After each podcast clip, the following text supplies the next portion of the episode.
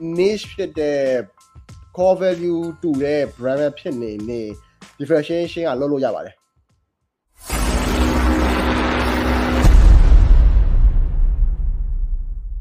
ကောင်းထက်တာက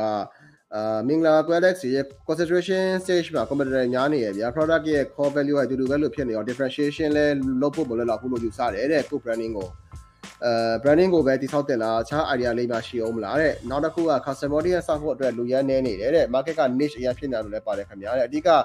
retargeting လုပ်ချင်တာပါ frequency များများလေးကြချင်လို့ပါအခုကအနည်းဆုံး size ဘယ်လောက်ဖြစ်သွားပြီလဲတဲ့ real estate market ပါခင်ဗျာဆိုပြီးပြောထားပါတယ်အဲ့တော့ဘယ်လောက်ကြီးပဲ niche ဖြစ်တဲ့ core value တူတဲ့ brand ပဲဖြစ်နေနေ differentiation ကလုပ်လို့ရပါတယ်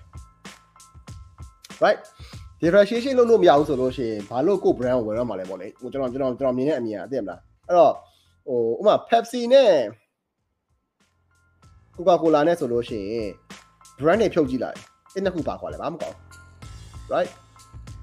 တဲ့ရေတဲကိုတကြားနဲ့ဆိုတာနဲ့ထည့်ပြီးတော့ gas ဆန်ထည့်ပြီးရောင်းနေရဖွဲ့တယ်ဆိုတော့ဘာမှမကွာဘူး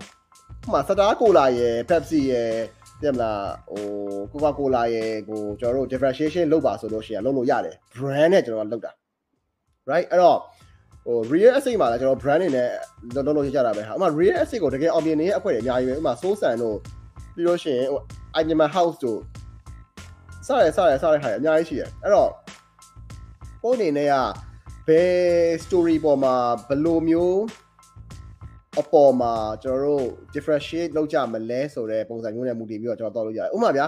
အနည်းဆုံးတော့ကိုကောင်းထက်တာစီမှာ brand archetype ကတော့ရှိတဲ့နယ် brand archetype ဘယ်နှမျိုးရှိရ12မျိုးလားမသိဘူးရှိရ12မျိုးထင်တာပဲ။ညာ brand archetype 12မျိုးရှိရတဲ့ကနေပြီးတော့မှကိုကဘယ် brand archetype နဲ့ကြိုက်လဲဆိုတဲ့ဟာပေါ်မှာမူတည်ပြီးတော့ကျွန်တော်တို့ရဲ့ brand ရဲ့ core message ကို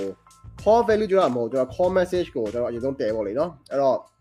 core message ကိုတည်ပြီဆိုလို့ရှိရင်က အဲ့ဒီ comment section အဲ့ဒီ brand archetype နဲ့ကျွန်တော်နှစ်ခုပေါင်းလိုက်ရဆိုလို့ရှိရင် then အဲ့ဒါဒီ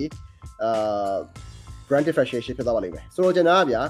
ဥပမာကိုကကိုလာရဲ့ call message ကဟို happiness ဆိုတဲ့ဟာကိုသူကပေါ်ထားတာအာဗာလဲ Pepsi ရဲ့ call message ကကြတော့ next generation ဆိုတဲ့ဟာမျိုးတော့ထားတာသူကငယ်အမြဲတမ်းတစ်လွင်နေရဆိုတဲ့ဟာမျိုးဘက်ကိုတော့ထားတာပေါ့နော်ဆိုတော့အဲ့မှာမတူတဲ့အချိန်မှာသူကဟိုကိုကကိုကိုလာရဲ့ဟာကလည်းအဲ brand archetype ကလည်းကိုကိုလာရဲ့ brand archetype က innocent ဖြစ်တဲ့ပုံစံမျိုးပို့သွားတယ်အဲပေါ်ပေါ်ရဲ့ကြတော့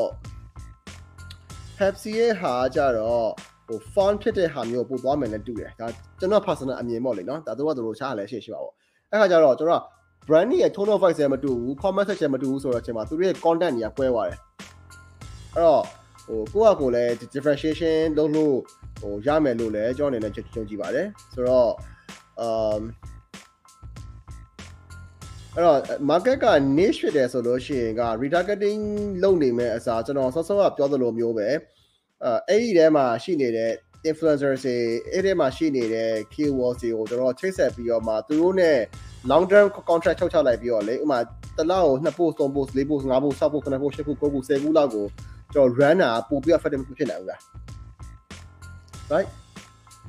ကျွန်တော်ကတော့အဲ့လိုပဲမြင်တာပဲရပြီးတော့မှကိုယ့်ရဲ့ messaging နဲ့ပဲဖြစ်ဖြစ်ဒါမှမဟုတ်ကိုယ့်ရဲ့အာဗီဒီယိုကိုပဲဖြစ်ဖြစ်ပြလိုက်ပြီးတော့မှ okay ကျွန်တော်တို့ဗီဒီယိုလာကြည့်မယ်ကိုယ့်ရဲ့ page ပေါ်မှာ message လာပို့မယ်ဆိုလို့ရှိရင်အဲ့ဒီလူတွေကိုကျွန်တော်က retargeting ပြန်လုပ်ရတယ်ဟို retargeting run ကြမယ် hey ဆိုတဲ့ဟာက technician အတွေးပါ right ဘာလို့ဆိုတော့ဒီ platform က retargeting လုပ်လို့ရတယ် retargeting လုပ်ရ retargeting လုပ်ရတယ်ဆိုပြီးတော့လေဟို retargeting လုပ်ကြမယ်ဆိုတဲ့ဟာမျိုးကြီးတွေးနေတာဖြစ်ဖြစ်ကိုများတယ်အဲ့တော့ retargeting လုပ်မယ်ဆိုတဲ့ဟာမျိုးတွေးတာမျိုးမဟုတ်ဘဲနဲ့အာကျွန်တော်တို့ platform ပေါ်မှာ platform ကိုမတွေးဘဲနဲ့ customer အရင်ဆုံးတွေးကြည့်ဗျာအဲ့တော့ customer ဒီ how I say customer ဒီဘယ်ပေါ်မှာ attention တွေပေးနေရလဲဆိုတဲ့ဟာမျိုးလေးကိုကျွန်တော်သိရမယ်ဆိုလို့ရှိရင်ကဟိုကိုကောင်းထက်တာရဲ့ brand ကို build လုပ်ရတာပို့ပြီးတော့လွန်နေပါလိမ့်မယ်